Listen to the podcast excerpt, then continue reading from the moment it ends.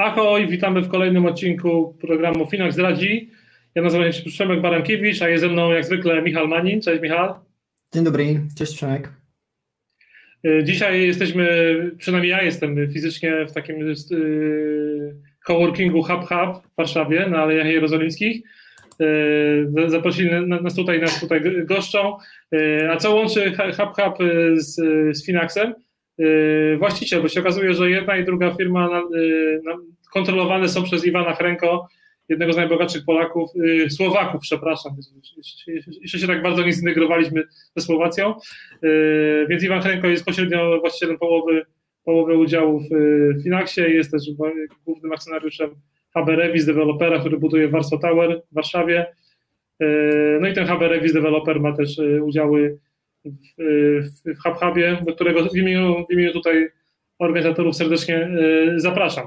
Ale to jest mniej ważne, dużo ważniejsze jest to, że przed nami kolejny odcinek i kolejne Wasze pytania w programie Finax Radzi, w którym staramy się pomagać Wam w takich finansach osobistych, nie tylko w inwestowaniu, ale też szeroko rozumianych relacjach ze światem finansów, z bankami, Y, kredytodawcami, ubezpieczenia i to wszystko, co macie na głowie i gdzieś tam z tyłu finanse. Y, przygotowaliśmy tym razem cztery pytania y, i zaczniemy chyba od pana Jana, Jana z Warszawy. Momencik, rzucam jego pytanie na stronę. Jan z Warszawy ma 25 lat, jest singlem. Akurat kręcimy to w dzień singla, także fajnie, fajnie, dzień po walentynkach, fajnie się to trafiło. Zarabia 5 tysięcy złotych na miesiąc, wydaje 3 tysiące złotych na miesiąc i dzięki tej różnicy między zarobkami a wydatkami e, zebrał już 90 tysięcy złotych poduszki finansowej. To gratulujemy, bo to jest jak na 25-latka to niezły wynik. Miałeś tyle, Miszo, jak miałeś 25 lat? Mm, wiesz co, nie pamiętam, ale też miałem zaoszczędzonych e, w miarę no dość, ale z tego powodu, że nie, że ja bym oszczędzał, ale e, babcia sprzedała pola i po prostu, po prostu dała swoim wnukom pieniądze, więc z tego powodu no, miałem taką fajną babcię.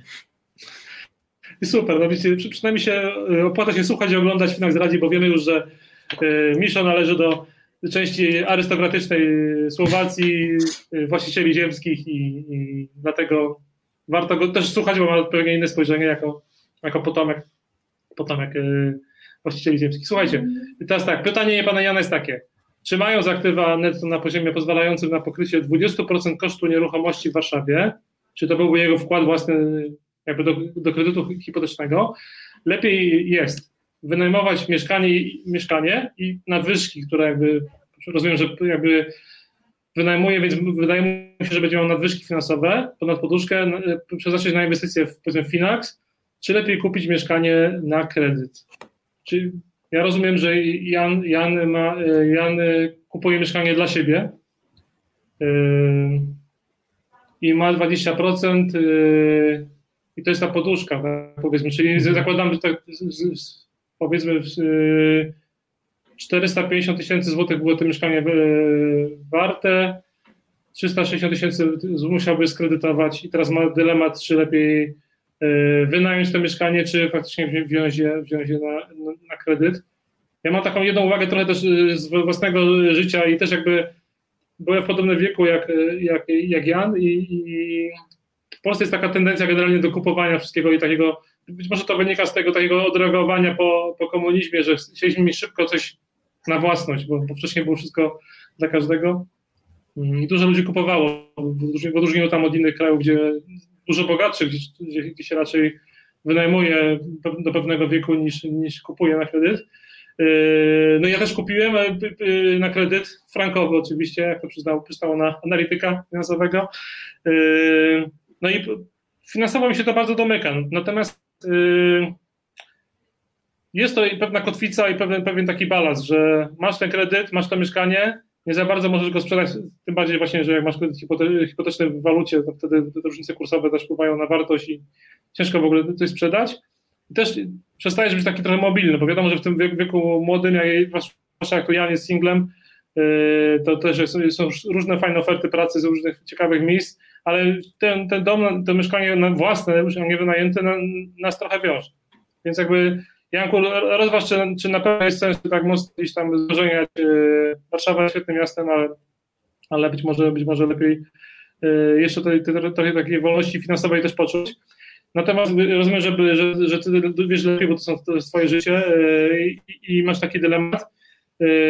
Tu macie, macie przed nami, mam nadzieję, że, że, to widać, jak nie to powiem dla tych, którzy mają podcast. Na przykład bankier robi takie zestawienie i to jest solidne zestawienie, pracowałem tam wiele lat, co miesiąc wybiera najlepsze kredyty.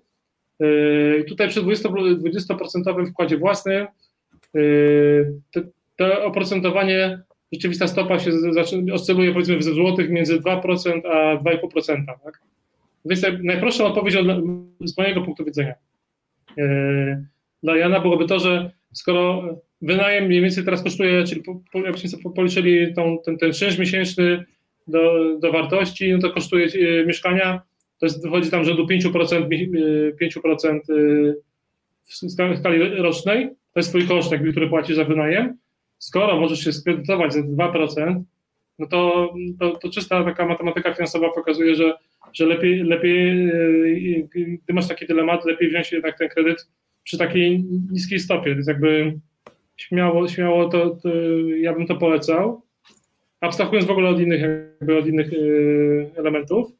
E, teraz, teraz dla Twojego zysku jakby jest istotna też, aby kalkulacja tego, bo, bo kupując mieszkanie masz jakąś tam, masz, masz element aktywów finansowych, to, to nieruchomość. No to pytanie, jak ona, nie będziesz zarabiał z wynajmu, tylko jedynym twoim zyskiem będzie dla pełnej kalkulacji warto to też wiedzieć, jedynym twoim jakby wynikiem będzie zmiana ceny metra kwadratu tego mieszkania.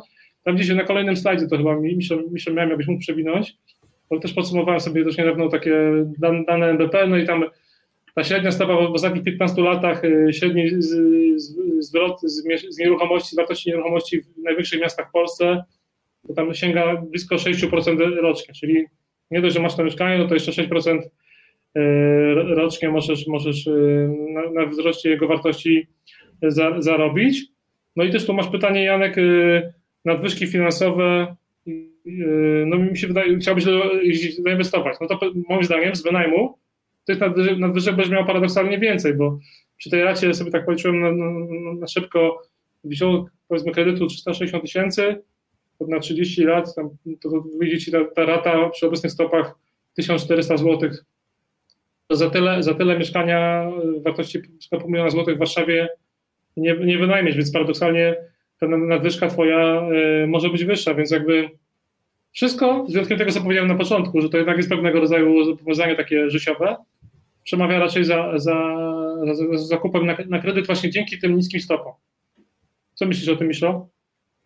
Mm, no tak, ja się z tym zgadzam, że matematycznie wygląda na to, że najlepiej jest po prostu na podstawie tych stóp procentowych, które mamy dzisiaj, ten kredyt jednak wziąć, jeśli pan Jan jest zdecydowany, że spędzi jakieś tam najbliższych kilka lat w tej Warszawie. No ale znowu z drugiej strony, jeśli po prostu po pięciu latach albo po dziesięciu będziesz się z prowadzić, to ja myślę, że nie będzie z tym znowu jakiegoś problemu, plus potem po tych pięciu latach nie musi już ani e, płacić podatku, e, jeśli będzie chcieć sprzedać to mieszkanie, więc no myślę, że matematyka tutaj mówi mm, wszystko jak jest i myślę, że to fajnie odpowiedziałeś. No to lecimy dalej. Drugie pytanie. Yy, tym razem będzie Biały Stok. Yy, pan -hmm. Grzegorz z Białego Stoku ma 47 lat, zarabia 12 tysięcy złotych na miesiąc, wydaje 8 tysięcy złotych na miesiąc. W tym ma kredyt hipoteczny, w tym w tych 8 tysiącach trzy osoby na utrzymaniu i zdołał, gratulujemy, zebrać 50 tysięcy złotych poduszki yy, finansowej. Teraz y, widzę, że nas bardzo y, czyta. Y, też tam gdzieś czytałem, że poleca swoim, nawet swoim dzieciom i pyta się, że pisaliście w którymś z artykułów o procencie składanym. O ile w przypadku lokat jest to jasne i zrozumiałe, o tyle w przypadku inwestowania przez Finax nie znajduje zastosowania albo nie rozumiem. No i teraz pytanie, prośba, mhm. żebyśmy mu wytłumaczyli, o co, o co chodzi. Oczywiście. Um, jeszcze przed tym, niż e, odpowiem na to pytanie, to może pierwsza taka informacja jest, że e, jak pan Grzegorz mm, na przykład w ramach rodziny mówi o Finax i poleca inwestować za pośrednictwem Finax, to ważne jest powiedzieć tyle, że jeśli też chcecie działać tak jak Pan Grzegorz, nie zapomnijcie o tym, że możecie zaprosić, oficjalnie zaprosić swoją rodzinę, znajomych, kogokolwiek do Finax i za to zaproszenie otrzymujecie potem zniżkę, plus ten zaproszony również otrzyma zniżkę, czyli jak tam są różne trzy transze, są ta minimalna jest, że 500 eur zarządza mi 5 lat bez opłaty za zarządzanie, czyli po prostu jak zaprosicie jednego mm, człowieka, on się zarejestruje, zaktywuje swoje konto, czyli zacznie inwestować, no to po prostu minimalnie 500 eur Wam plus temu zaproszonemu będzie mi zarządzać przez 5 lat bez opłaty za zarządzanie, więc o tym warto pamiętać, bo po prostu w taki sposób sobie można obniżyć tą opłatę za zarządzanie. No i teraz wracając do tego pytania, jest tak, że może miesiąc temu na naszych albo na waszych kontach, rachunkach pokazało się, pokazała się stopa zwrotu ważona czasowo. Do tej pory jej tam nie było, była tam tylko prosta stopa zwrotu, czyli po prostu jak zalogujecie się do swojego rachunku online, to po prostu pierwsza strona, na której jesteście, tam znajdziecie taką informację. No i jest tak, że co to, co to znaczy? Um, na takim przykładzie może najlepiej to opowiedzieć. Powiedz mi, że mm, na początku roku 2021 ktoś zainwestował 100 zł i pod koniec pierwszego miesiąca mm, powiedz mi, że ta cała inwestycja wzrosła o 5%, czyli ten klient ma na swoim koncie 105 zł, czyli stopa zwrotu albo zysk jest 5%, czyli 5 złotych. No i powiedz mi, że w, na początku mm, lutego, czyli po miesiącu, ten człowiek zainwestował następnych 100 zł, czyli teraz ma na swoim koncie 205 zł, czyli zysk jest ciągle 5 zł, ale stopa zwrotu już będzie tylko 2,5%, dlatego że ta stopa zwrotu się liczy jako zysk e, liczony od tego depozytu, czyli 5 złotych zysku z, z 200 złotych jest 2,5%. Więc to jest taka prosta stopa zwrotu. No i ta prosta stopa zwrotu pokazuje, że duży wpływ na nią ma to, e, jak wpłacamy środki, bo z każdymi nowymi wpłaconymi środkami ona będzie ruchoma.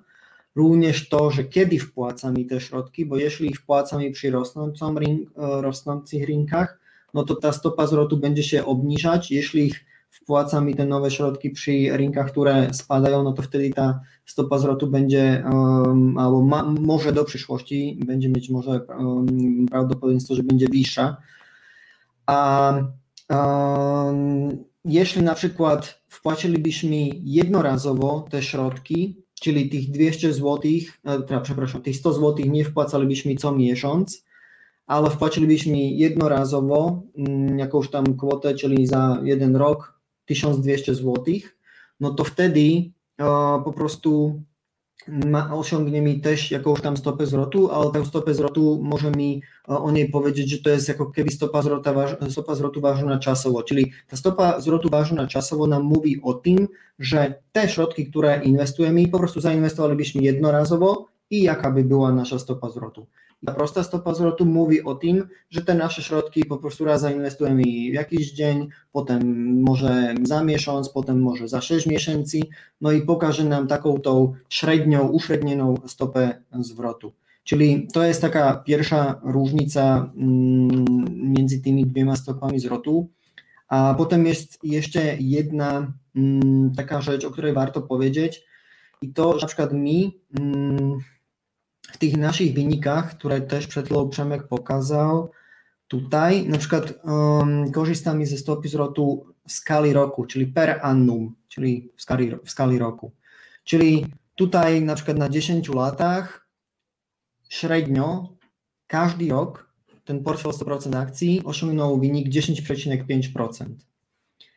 No i jak się to odnosi do tych stóp zwrotu? Jest tak, że można pokazać stopę zwrotu w skali roku, a można pokazać ją tak skumulowanie. Czyli za tych 10 lat, przy na przykład stopie zwrotu 10% w skali roku, jaka będzie kumulowana ta stopa zwrotu. I ta kumulowana stopa zwrotu będzie, e, już Wam powiem ile to jest, jest to 159,37%.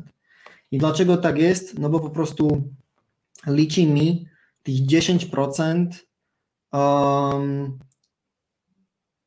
do potęgi, e, do dziesiątej potęgi. Czyli mam jakąś kwotę, którą zainwestuję mi razy 1,1 do dziesiątej potęgi i e, będziemy mieć taką tą skumulowaną stopę zwrotu versus stopa zwrotu e, w skali roku, czyli każdy rok tych 159,37% to jest po prostu 10% każdy jeden rok. No i tutaj jeszcze następny wątek i to, jak się to wszystko ma do e, procentu składanego.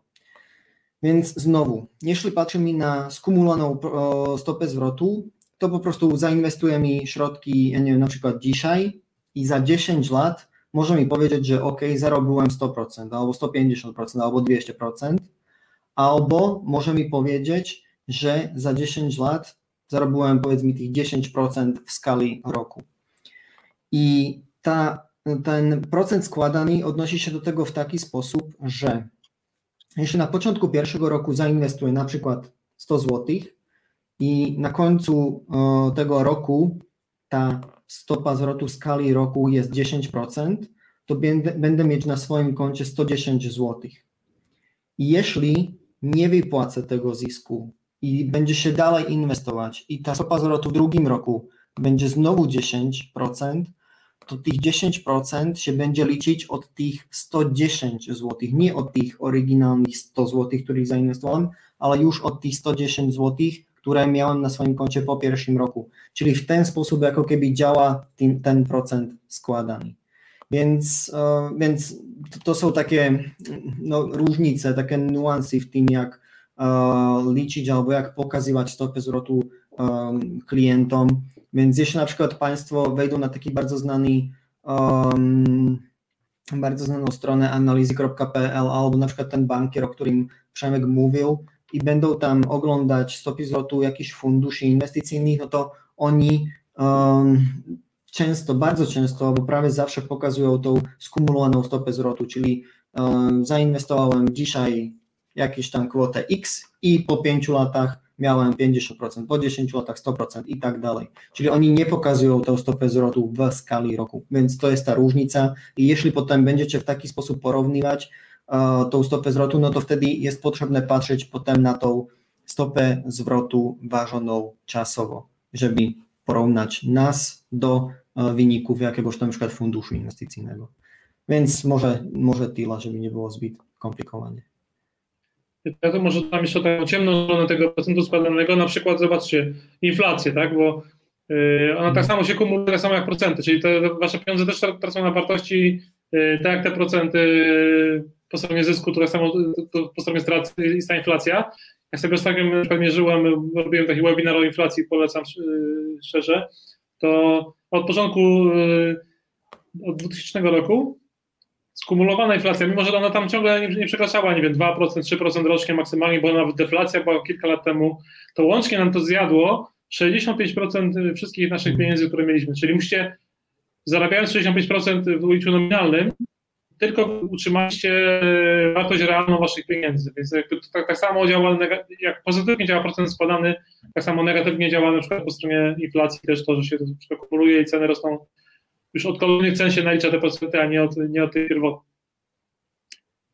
Y, dobra, mam nadzieję, że, że Grzegorz y, przekonaliśmy Cię, jak nie, to, to, to dawaj znać, jesteśmy po to, żeby pomóc. Kolejne pytanie będzie od Janka, tym razem podatki. Wytłumaczcie najprościej, jak się da rozliczenie strat w finach przed Urzędem Skarbowym. No dobra, to jest, jesteśmy teraz w lutym, więc ci, którzy ma, mają jakieś podatki do, zapłacenia, dostali od nas już jakieś formularze. Możecie sobie sprawdzić na koncie w dokumentach, dokumenty podatkowe. Nawet ci, którzy mieli straty, dostali te formularze, bo w Polsce jest tak, że masz straty, to możesz ją sobie w kolejnych latach roz, Jakbyś mi opuścił kolejny slajd, tam coś będzie o podatkach. Yy, mamy też takie fajne w archiwach yy, na stronie, blogach albo na stronie YouTube'a webinar o podatkach, więc tam to wszystko jest dość, dość dokładnie opisane. Czyli de, de, facto strata podatkowa jest to łączna nadwyżka kosztów podatkowych nad przychodami podatkowymi, tak? To, co wykazuje w swoim zeznaniu. Yy, czyli to nie jest ujemny wynik finansowy na jednej transakcji lub grupie transakcji, tylko na całym, na twoim, całym twoim portfelu, który raportujesz. Yy, strata może być tylko wtedy podatkowa, jeśli przynajmniej jeden grosz przychodu osiągnąłeś, czyli nie ma, nie ma straty bez sprzedaży. Pamiętajmy, pamiętajmy o tym.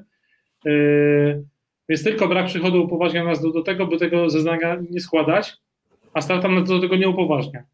Yy, pamiętajmy o tym, bo jak na przykład mamy teraz stratę za, za tamten rok, w przyszłym roku będziemy mieli zysk, to jeżeli będziemy chcieli sobie tą stratę z, tam, z, z ostatniego roku rozliczyć, to musimy ją już w tym roku zaraportować, by fiskus o tym, o tym wiedział. I stratę możemy rozliczać yy, maksymalnie przez pięć kolejnych lat, to jest bardzo ważne. Yy, tak żeby ona łącznie nie przekroczyła, wiadomo, całej, całej wartości tej, tej, tej, tej straty. Mamy taki fajny blog, który dość dobrze opisuje e, pod tytułem Wszystko, to trzeba wiedzieć o płaceniu podatków z Finax. I widziałem też ostatnio bardzo fajny e, zaprzyjaźniony portal DNA Rynku, który jakby publikuje niektóre nasze przemyślenia i naszą filozofię. Oni też jakby przypominają, że w tym roku takie nowe, nowe przepisy weszły w życie, że można nie, nie tylko połowę straty z tamtego roku rozliczyć, ale nawet całą stratę. Więc jakby to jest taka ciekawostka i mam tu na kolejnym slajdzie, gdybyś przewinął e, Miszo. Ja tak ciągle proszę, proszę Michała, bo o, chyba, że wypracowałem. Chyba, że tego slajdu, że tego slajdu nie ma. Nie ma. Możemy to potem, możemy to potem. O, dobra, tu. A ja są to. Tak. Dobre. Dobra, to dobra, tak powiedz, e, dobra, tak to całe, całe to usuniemy. Czyli ja już to rzucę na ten następny slajd i teraz może, że i na, pole, na kolejnym slajdzie. Dobra. I na kolejnym slajdzie właśnie od Roberta Malackiego takie przemyślenia, bo on jakby nas, nas, nas wspiera ekspercko, jeśli chodzi o podatki w Finaxie.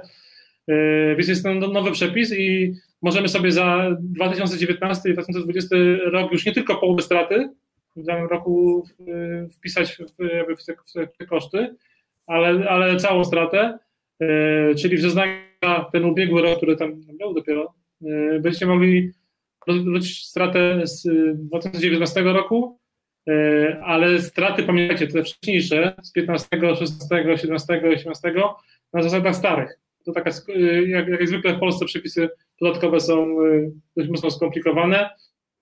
Y, tutaj Robert jeszcze wskazuje, że do tego jeszcze jest mała pułapka, bo jak się rzucimy na 100% rozliczenia straty z 2019 roku, a zabraknie nam dochodu na rozliczenie straty z 2015 roku, tych takich 5% można do tej pory rozliczać, to y, nie odliczając straty z 15 roku, utracimy prawo do jej rozliczenia, bo mamy 5 lat tylko na rozliczenie y, tych y, strat. Więc jakby jest to dość skomplikowane, skomplikowane i, i już mamy obietnicę Roberta, że zrobimy specjalny odcinek Finax radzi tylko poświęcony podatkom, więc subskrybujcie nas na YouTube, to, to na pewno tego nie, omi, nie ominiecie. To, to chyba tyle. Mam, mam nadzieję, że chodziło nam o to, żeby przekazać, że warto na bieżąco te straty rozliczać, choć intuicyjnie pewnie myśli, myśleliście, że skoro macie stratę, to nie musicie nic zapłacić, więc jakby problemu. No ale to jednak raportować no, nawet wynik ze stratą, chociaż akurat chyba w tamtym roku ciężko było tą stratę, chyba że ktoś sprzedał w panice pandemicznej w marcu i, i zamknął portfel, wtedy faktycznie mógł, mógł mieć stratę. Tak, tak. E, kolejne pytanie. E, o, znowu Białystok. Kurczę, to jest jakby ten. Marcin z Białego Stoku. 46 lat jedna osoba na utrzymaniu zarabia 8,5 tysiąca złotych na miesiąc, wydaje 6 złotych na miesiąc, ma 6 tysięcy złotych rezerwy finansowej i co miesiąc spłaca 530 zł kredytu hipotecznego. Pozostało do spłaty bardzo niewiele, gratulujemy. Tylko 40 tysięcy złotych. No, zazdroszczę Ci, Marcin, ja, ja mam jeszcze dużo więcej, więc, więc fajnie to Ci szybko poszło. Yy, czy bardziej opłaca mi się spłacić cały kredyt hipoteczny, a 20 tysięcy odłożyć jako poduszkę finansową, czy też zainwestować więcej gotówki i nie spłacać kredytu przed czasem. Co byś doradził Miszon? Mm, w porządku, no No na podstawie tego, o czym mówiłaś już e, przy tym pierwszym pytaniu, mm, no uważam, że ta inflacja jest dzisiaj na takich poziomach, że po prostu mm, powoli jako keby spłaca ten kredyt za e, pana Marcina. Czyli mm, no tutaj myślę, że akurat w dzisiejszych czasach no nie ma jakś tam sensu znowu z tego matematycznego punktu widzenia e, przedwczesnie spłacić ten kredyt hipoteczny. Mm, może druga jeszcze taka rzecz jest, że na przykład Marcin Iwódź e, jest takim dużym fanem e, spłacenia wszystkich długów jak, jak najszybciej, no i tego kredytu też, bo po prostu on argumentuje tym, że mm, może to mieć bardzo taki pozytywny wpływ na psychikę człowieka, że e, w końcu po prostu po x latach spłacił ten kredyt i już jest taki swobodny. Więc okej, okay, tutaj ta, ta psychika, mm, ten argument na pewno jest ważny, ale jeśli tutaj w tym poszczególnym przypadku pana Marcina, gdzie pan Marcin już ma wybudowaną poduszkę finansową, plus jego um, dochody są takie, jakie są, akurat w, tym przypadku bym nie widział jakieś, uh, jakiegoś powodu, plus jeszcze ta, ta rata jest bardzo niska, czyli ja myślę, że po prostu pan Marcin może normalnie kontynuować spłacaniu tego kredytu hipotecznego i te nadwyżki, tak jak pan Marcin pisze, że w dzisiejszych czasach nie ma sensu, żeby siedziały w banku gdzieś tam na rorach albo um, ja nie wiem, doma w skarpetce, więc co najmniej częściowo, czyli jakąś tam połowę, albo może trochę więcej zainwestować, um, no i po prostu aspoň ta część będzie zarabiać na inflację i Mm, ta, na inflację, czyli na to, co będzie ta druga część tracić tej poduszki finansowej. No pełna zgoda. Ja myślę, że przy tych stopach to trzeba korzystać. Do, końca nie wiemy, czy Marcin ma, ma ten kredyt e, na takich rynkowych warunkach mm, tak, tak.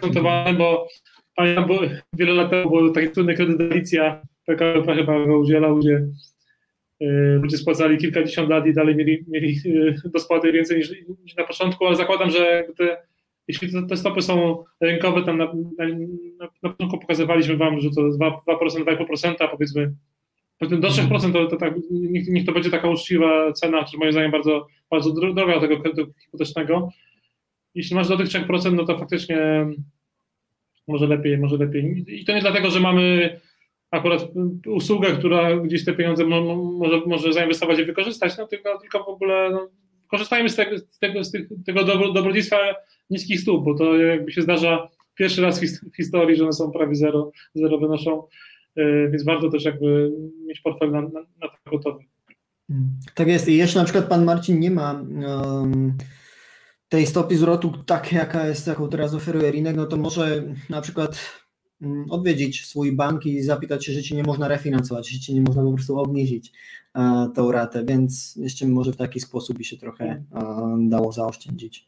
A, a niektóre banki nawet puszczą w ten sposób, że nawet potrafią wziąć na, na siebie ten jakby, yy, bo nieraz yy, za spłatę wcześniejszą są dodatkowe prowizje, mm, ale są też banki, które można znaleźć, że one nawet potrafią ci dać tą karę, z, z, pokryć za ciebie, więc może warto warto zawsze chyba na rynku finansowym szukać alternatyw, bo, bo wtedy masz jakby masz jakiś argument w rynku, jak rozmawiasz z tą drugą stroną, czyli z bankiem. Hmm. No dobra, słuchajcie, no chyba na dzisiaj koniec prawie pół godziny wam zajęliśmy, więc y, zapraszamy do zadawania pytań, bo to jest najważniejsze, ale też jakby do naszego archiwum już się trochę tych odcinków Finax Radzi uzbierało. Y, subskrybujcie nas na YouTubie, ale też po, po, pobierzcie sobie aplikację mobilną Finaxa, gdzie są wszystkie i podcasty, i, i blogi, i materiały wideo, więc nic nie przegapicie. Dzięki wielkie, do zobaczenia, do słyszenia. Dzięki Michał. Dziękuję, do zobaczenia, cześć.